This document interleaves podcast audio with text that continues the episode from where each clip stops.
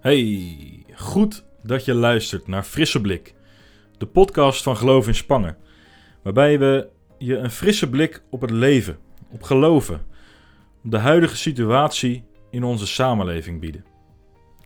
Zeuren en doordrammen totdat je je zin krijgt. Heb je dat wel eens gedaan of meegemaakt?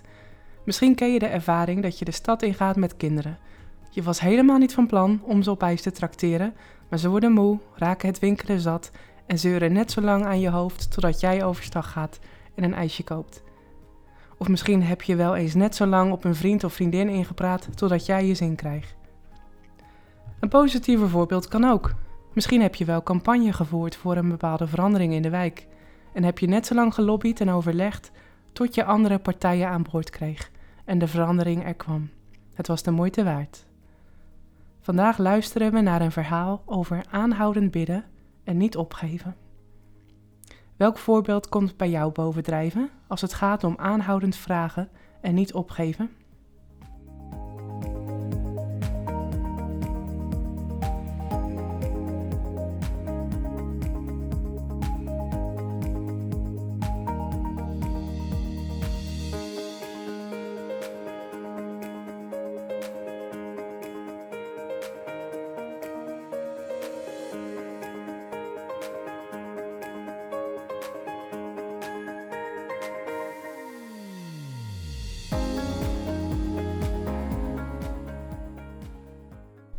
We lezen nu een Bijbelverhaal.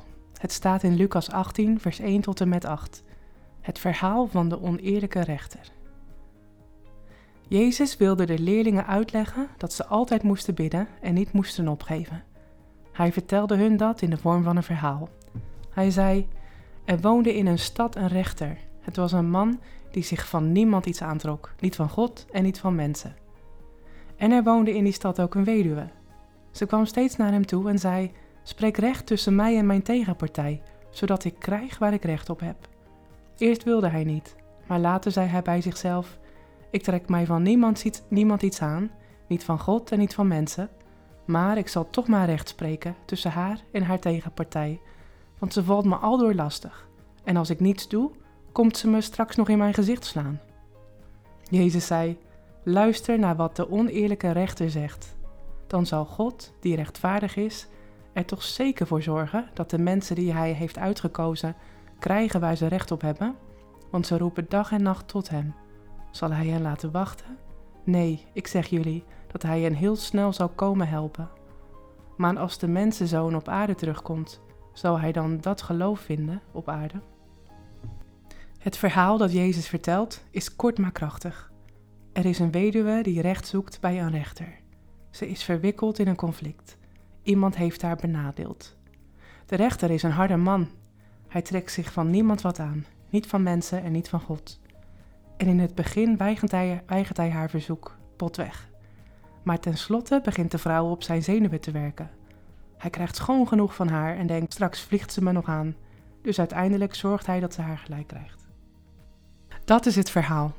Naar de uitleg hoeven we niet te raden, want in vers 1 staat dat Jezus dit verhaal vertelde omdat hij zijn leerlingen wilde uitleggen dat ze altijd moeten bidden en niet opgeven. Als een onrechtvaardige en slechte rechter uiteindelijk luistert naar deze vrouw, zal de rechtvaardige en goede God dan niet luisteren naar zijn kinderen en recht doen? Dat is de belofte die Jezus geeft. God zal luisteren en recht doen. Mensen die aanhoudend bidden, laat hij niet wachten. Het is een bemoedigend verhaal. Maar het roept misschien ook vragen op. Misschien bid je al langere tijd voor iets of iemand en zie je nog geen verschil. Wat betekent aanhoudend bidden? Moet je dan eindeloos lange gebeden opzeggen of niks anders meer doen dan bidden? Aanhoudend bidden betekent bidden met geduld en met vertrouwen. Steeds weer je verlangen bij God brengen, in het geloof dat Hij luistert naar je gebeden en dat Zijn hart klopt voor je voor recht. Bidden in het geloof dat God op Zijn tijd zal verhoren. Hoe kun je bidden voor recht? Ik denk dat we allemaal in het dagelijks leven veel dingen zien waar we verdrietig van worden of waar we boos om worden, omdat het oneerlijk is. Misschien denk je aan ongelijkheid in inkomen of in kansen in het leven. Misschien voel je je boos of machteloos als je denkt aan de slechte invloed van drugs of alcohol in het leven van iemand van wie je houdt. Of misschien raakt het nieuws over vluchtelingenkampen in Griekenland of mislukte oogsten in Afrika je. Of misschien ligt het onrecht veel dichter bij huis. Speelt er iets in je familie of in je politiek? Breng het bij God. Hij zal luisteren en recht doen. Want Hij heeft het goede met ons voor en staat op tegen onrecht. Geloof je dat? En als je dan bidt zonder op te geven, gebeurt er ook iets moois. God verandert je eigen hart steeds meer. Het gaat steeds meer kloppen voor recht. En heel vaak zie je dat God ook jou gaat inschakelen als een antwoord op de vraag waarom je bad. Mijn vraag voor jou: waar ga jij de komende tijd aanhoudend voor bidden?